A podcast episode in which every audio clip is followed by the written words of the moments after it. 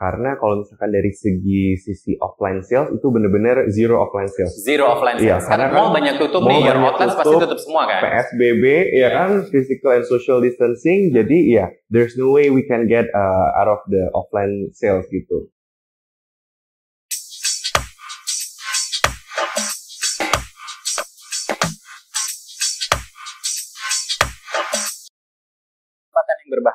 Ini saya sudah kedatangan dua orang tamu yang luar biasa ya. Jadi ada Kevin dan juga Mario. Siapakah mereka dan bagaimana mereka menjalankan bisnisnya di tengah kondisi yang super challenging ini? Kita sama-sama akan ngobrol. Halo, apa kabar? Apa kabar? Terima kasih loh sudah bisa eh, join bersama kita di eh, talk kali ini ya. Jadi uh, kita semua tahu bahwa kondisi sekarang ini kan semua sedang challenging nih untuk uh, everybody gitu ya. Nah, kita pengen tahu uh, dari Gula dan juga dari Yami Corp kira-kira mungkin bisa berbagi bersama kita semua yang ada di sini dan juga nanti penonton tentang how things that you are going or managing under this circumstances gitu ya. Kalau boleh cerita sedikit nih sebelumnya gitu dari um, Kevin gitu. Bagaimana sih semuanya ini berawal? Uh, gula itu berawal di mana kita lihat uh, tren bubble tea itu lagi uh, uprising kembali pada tahun 2017-2018. Nah, di situ yang kita lihat adalah the rise of the hype of the cheese tea dan juga brown sugar boba. Tapi yang kita lihat itu kenapa uh, kita nggak punya minuman Indonesia sendiri yang bisa uh, hype juga dan bisa uh, trending juga. Nah, maka itu alasannya kita uh, membuat konsep minuman uh, Indonesia yang kita revolutionize, yang kita packaging lebih modern dan mempunyai uh, rasa yang lebih unik gitu loh. Jadi instead of cheese foam kita menggunakan coconut foam untuk menjadi uh, merubah minuman tradisional Indonesia. Kita bisa beli di jalanan itu sekarang bisa dibeli di mall dan juga di retail-retail dengan uh, kualitas dan rasa yang lebih lebih up to date gitu ya. Jadi kesannya naik kelas gitu ya minuman tradisionalnya. Oke. Okay. Jadi ini adalah uh, game changer dari brand gula tersebut yang berbeda dari uh, brand-brand lainnya. Jadi ibaratnya kita the pioneer of Indonesian authentic drinks. Yummy gitu. Semua orang pasti kalau makan enak ngomongnya yummy gitu ya. Gimana sih awal mulanya bisa yummy gitu? Kenalin dulu semuanya, saya Mario, CEO dari Yummy Corp. Uh -huh. Jadi uh, Yummy Corp itu kita mulai di tahun 2017. 2017. Jadi di 2017 kita sekarang ini punya tiga uh, tiga service line atau tiga divisi ya. Jadi divisi pertama yang kita mulai pertama adalah uh, untuk B2B uh, catering. Jadi catering untuk perusahaan-perusahaan biasanya lebih besar enterprises hmm. seperti Unilever, hmm. Wings Group, hmm. kedutaan besar Amerika gitu-gitu di mana kita operate catering fasilitas mereka untuk employee atau karyawan-karyawan uh, dari uh, klien-klien kita. I see. Hmm. Kedua adalah kita juga udah mulai uh, divisi Yummy Box hmm. untuk perusahaan-perusahaan yang lebih kecil, jadi SMB ya, small medium yeah. business, dan juga untuk individual yang bisa mengorder catering untuk uh, dikirim ke kantor hmm. uh, lang langsung melalui app kita yang namanya Yummy Box yang ada di, uh, di yang ada di Play Store dan App Store. Hmm. Kita pengen tahu juga gitu, kalau dari uh, Mario sendiri gitu, kira-kira dampaknya ini dengan adanya pandemik ini bagaimana ke Yummy baik itu Yummy Core maupun Yummy Box gitu? Secara overall kita kita masih posisi ada cukup beruntung ya hmm. dalam uh, masa pandemik ini di mana uh, kita punya karena kita punya kategori B2B dan distribusi B2B kita uh, turun banyak karena hmm. Klien-klien kita karyawannya kebanyakan work from home. Oke, okay. seberapa besar tuh penurunannya? Itu penurunan cukup besar, lebih dari 50%. Lebih dari 50%. Berarti 50% masih ada? 50% masih ada untuk karena masih banyak customer apa uh, klien-klien kita yang karyawan esensialnya masih ke kantor. Oke. Okay. Tapi on the other hand, uh, bisnis kita yang retail B2C itu naik banyak. Oh oke, okay. B2C-nya malah naik banyak betul, ya? Betul, karena perbedaannya kita dengan F&B lain adalah kita malah tidak main di mall, mm-hmm. spesialis di delivery. Ah, oke. Okay. Kejadian seperti ini, mm-hmm. delivery naik banyak. Mm-hmm. Uh, delivery, uh, orang-orang lebih pindah mulai memikirkan delivery sebagai alternatif. Yeah. Jadi uh, kita mendapat dampak positif dari sisi dari sisi itu ya. Kalau dari uh, Kevin sendiri gimana? Uh, impact dari COVID-19 untuk uh, F&B retail termasuk gula itu uh, bisa dibilang lumayan impactful ya karena kalau misalkan dari segi sisi offline sales itu benar-benar zero offline sales. Zero offline iya, sales. Iya, karena mall kan banyak tutup nih, ya outlets pasti tutup semua kan. PSBB ya kan, physical and social distancing. Jadi ya, there's no way we can get uh, out of the offline sales gitu. Tapi yang kita boost adalah uh, dari sisi online salesnya. Ada peningkatan kira-kira 30-40% dari online salesnya. Tapi ya, impactnya itu uh, out of 20 20 stores yang kita punya cuman 8 buka yang 8 toko yang kita buka. Oh, Oke. Okay. Mm -hmm. Jadi uh, because most of our outlets juga di mall, jadi uh, banyak kan yang tidak di level ground floor atau yang di lower ground, ya kita mau nggak mau harus kita tutup dulu for the time being. Oke, okay. nah yang delapan ini tetap di mall juga atau memang independent outlet? Ada beberapa yang di mall, ada yang stand alone juga. Stand alone juga. Iya, kalau yang stand alone nggak ada masalah. Gak ada Ya, jadi semuanya sekarang customers Gulat can access through that outlets gitu ya. Yes. You serve them ya. Yes. Oke. Okay. Nah, dengan delapan ini dibanding yang tadinya 20 gitu ya.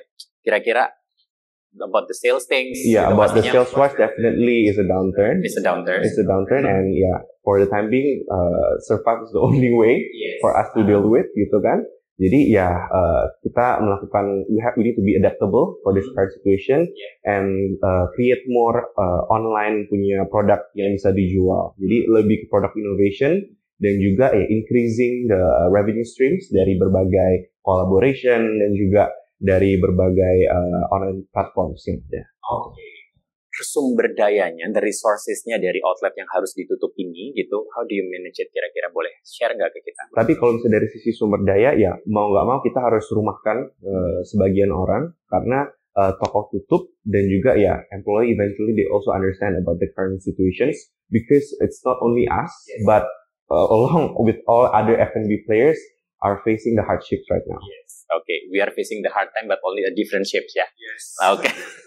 kita akan tanya kepada Kevin dan juga mungkin Mario juga how they handle the hygiene and safety procedures in the outlet. Dari pas sebelum apa corona ini ada aja, kita juga udah meningkatkan kita punya healthy dan juga safety regulations dari sisi SOP di toko gitu. Dari sisi harus uh, the frequency of uh, cuci tangan hmm. dan juga ada hand sanitizers dan juga uh, pengecekan suhu tubuh ya dari karyawan make sure mereka nggak sakit dan juga uh, lanjut untuk serve customer gitu. Jadi itu udah dikontrol dari SOP kita.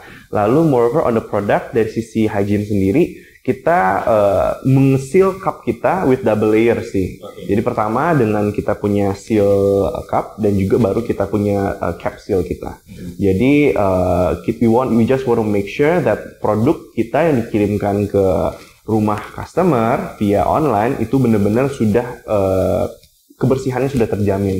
Kalau dari Yami, uh, kita memang dari dulu sebelum uh, masa pandemi ini hmm. juga kita memang sudah uh, standar operasional kita itu sudah bersertifikasi, hmm. namanya HACCP. Hmm. Hmm. Itu di mana uh, sertifikasinya itu uh, levelnya standar global gitu. Ya. Hmm. Karena kita bekerja sama dengan perusahaan-perusahaan besar seperti Unilever, hmm. kedutaan besar Amerika dan lain-lain, hmm. di mana itu bahkan uh, menjadi requirement dasar. Hmm. Gitu.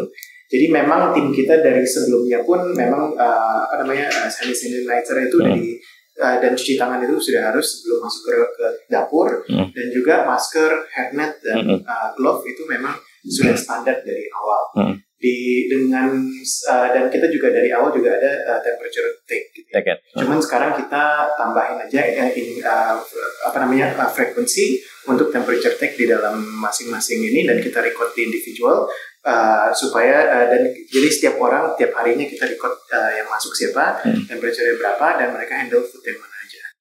Untuk Yami itu sendiri kan kita semua tahu ada komposisi dari corporate dan juga retail seperti yang tadi sudah dikatakan gitu ya. Nah, dengan kondisi seperti sekarang ini mungkin saya akan tanya bagaimana perubahannya dari sebelum dan after this pandemic situations dari komposisi tersebut antara corporate dan juga retail. Ya. Yeah. Kita sih memang uh, sisi retail kita memang sedang bertumbuh cepat sejak hmm. akhir tahun 2019 ya. Jadi kalau misalnya kita lihat di mungkin Juni 2019 kita kurang lebih 90% B2B. Hmm. Tapi di akhir Desember pun sebenarnya kita udah kurang lebih 50% B2B, 50% retail. Hmm. di masa-masa sekarang ini uh, kita kurang lebih 25% B2B, 75% retail. Retail. Gitu. Okay. Jadi memang uh, retailnya bertumbuh dan pas juga B2B-nya turun, jadi uh, komposisinya 75% atau mayoritas adalah retail. Divisi terakhir kita atau service terakhir kita adalah namanya Yummy Kitchen. Yeah. Yummy Kitchen itu adalah shared cloud kitchen yang kita operate bersama dengan uh, brand-brand partner uh, yaitu access, existing F&B brands. Jadi misalnya gula dan teman-teman itu Mhm. kita daripada kita bikin brand sendiri yang kita kerjakan adalah kita bikin infrastruktur dan kita bekerjasama dengan brand uh, dengan para pemain F&B yang udah punya Yang udah well established brand. well Oke. established. mereka tinggal ber, uh, bermitra dengan kita mereka kirimin bahan-bahan mereka Mhm. dan tim kita yang akan belajar assembly dari tim mereka untuk dikerjakan eh, untuk dijual di GoFood dan GrabFood atau delivery delivery platform lainnya. Karena secara umum sebelum periode COVID ini pun Ya. uh, tren untuk delivery itu kan sudah naik, Naik betul. sudah bertumbuh. Hmm. Dan itu dari awal juga Gula juga uh, begitu dibikin juga memikirkan skenario offline and online gitu. Mhm. Dan jadi kita ngelihat bahwa semua bisnis uh, F&B baru ini akan harus uh, berpikir dalam konsep offline dan Online betul. Jadi memang sekarang juga musimnya kolaborasi ya. Ah, Benar-benar. Jadi untuk kita survive dalam periode Hmm. ini, ya kita sekarang ini uh, sekali lagi uh, kita arahnya sama dengan Kevin untuk masalah expansion kita reduce. Jadi Mm-mm.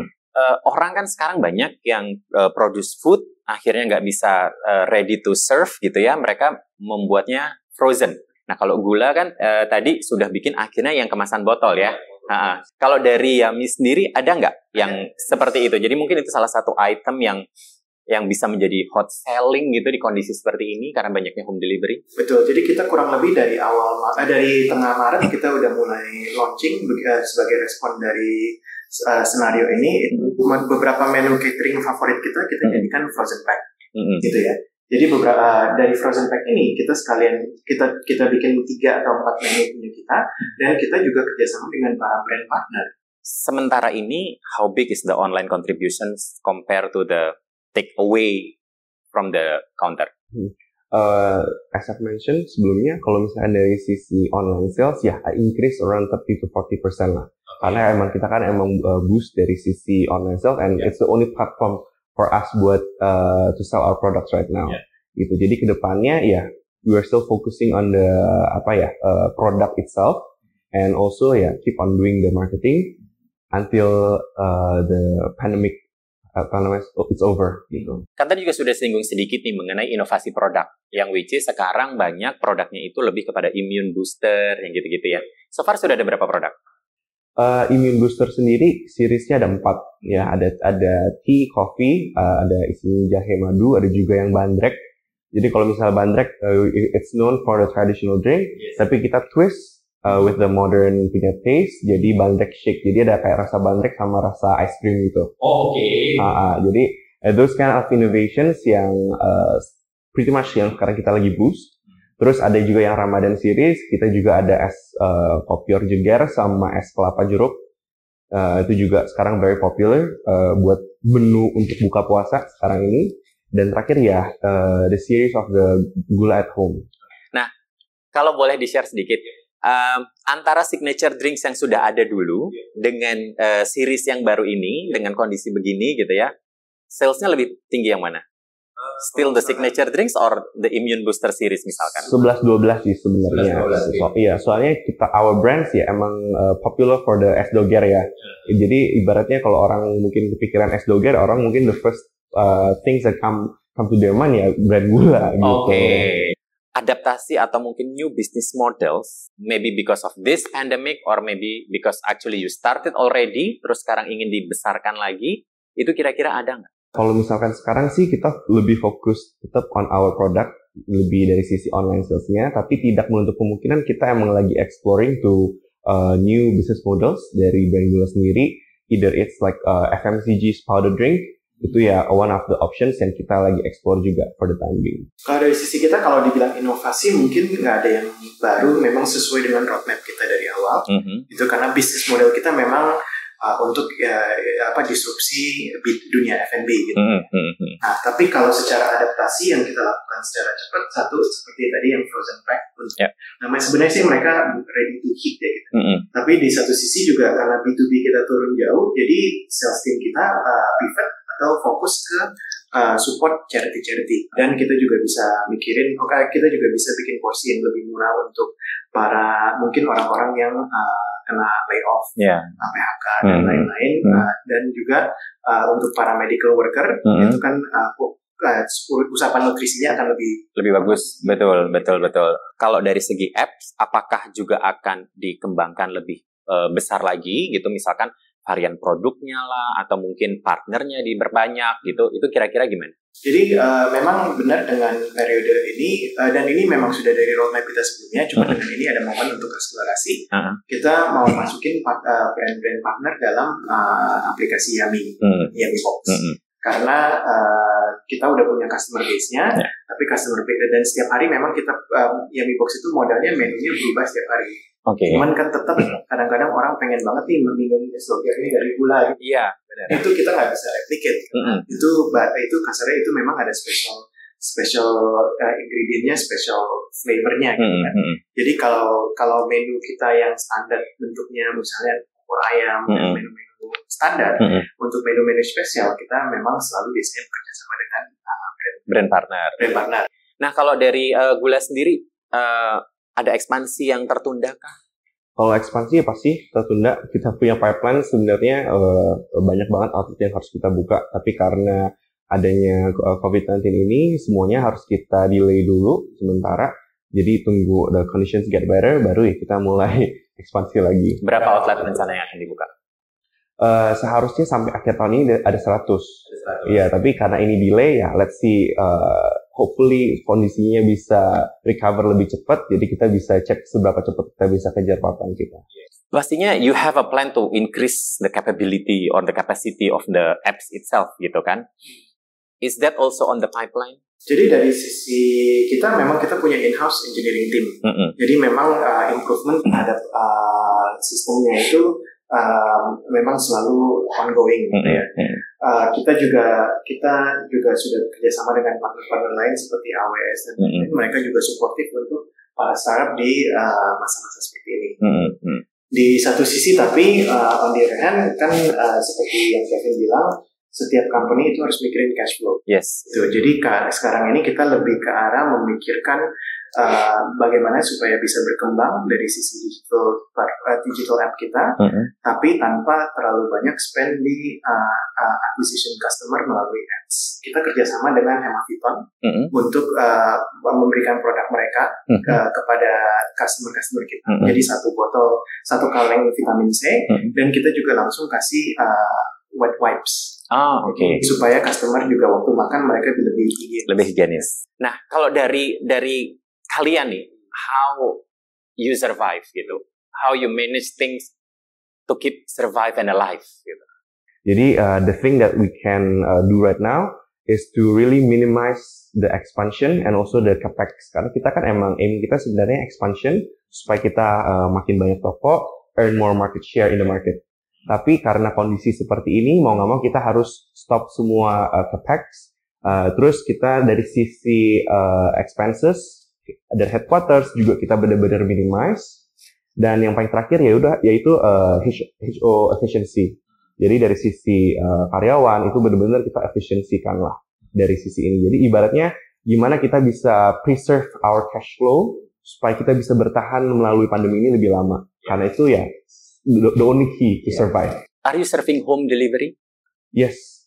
Jadi uh, during this pandemic kita eventually malah innovate a lot of new products gitu loh dari sisi ada immune booster series itu hmm. minuman yang kayak uh, ada jahenya, ada madunya yang bisa apa boost the immune of uh, health. Juga kita kedua ada uh, Ramadan series karena kita sekarang kan lagi uh, masa Idul Fitri ya. Jadi kita keluarin uh, produk-produk kayak uh, es kelapa kopior dan lain-lain. Yang ada Selain itu, ya. dan juga uh, lastly itu yang kita bikin gula at home, yaitu produk gula dalam bentuk botolan. Selama ini kan kita kan benar-benar search-nya marketnya itu yang grab and go. Jadi ibaratnya kita ke toko, kita pesan langsung dikasih chilled bisa langsung di uh, consume within uh, best two to three hours. Yeah.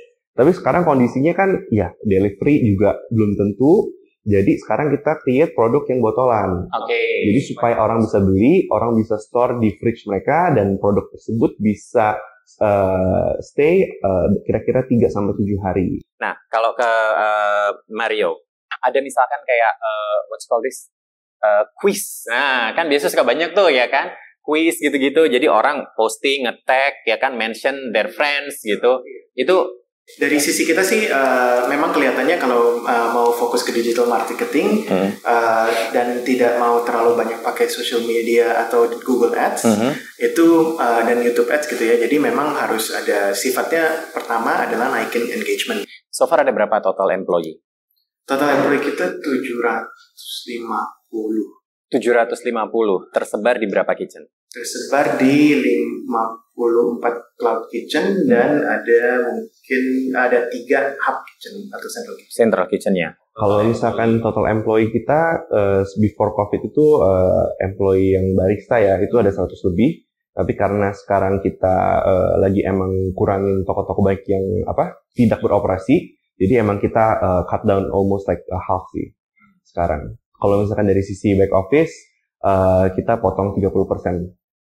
What is your ultimate achievement?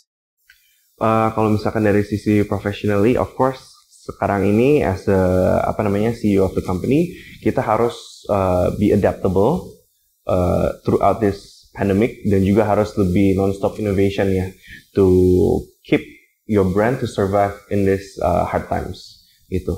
Tapi kalau misalkan we're talking about ultimate goals, right after the pandemic is that to continue kita punya visi misi as a company which is to bring this uh, brand globally karena kembali lagi ke awal mula kenapa why we started gula because we want to bring uh, Indonesian delicacies to the world. Kalau Mario misi uh, kita sih tetap walaupun selama periode COVID ini hmm. kita tetap fokus pada visi kita hmm. ke depannya ya. Visi kita di mana ke depannya di setiap uh, kita ngelihatnya di mana di setiap perumahan di setiap daerah di setiap uh, di setiap daerah customer-customer itu punya akses ke cloud kitchen kita hmm. di mana supaya mereka bisa mendapatkan brand-brand favorit mereka, produk-produk makanan favorit mereka dengan cepat kalau bisa dalam 5 sampai 10 menit udah sampai ke rumahnya. Ke rumah mereka. Terima kasih sudah menyaksikan The Ultimate Talks persembahan dari Forbes Indonesia dan Oppo Find X2 Series. Kita bisa belajar akhirnya bahwa dalam bisnis, walaupun kondisi seperti ini, masih ada sisi positif yang sebaiknya kita gali untuk kita bisa lebih besar lagi. Sampai jumpa di episode berikutnya.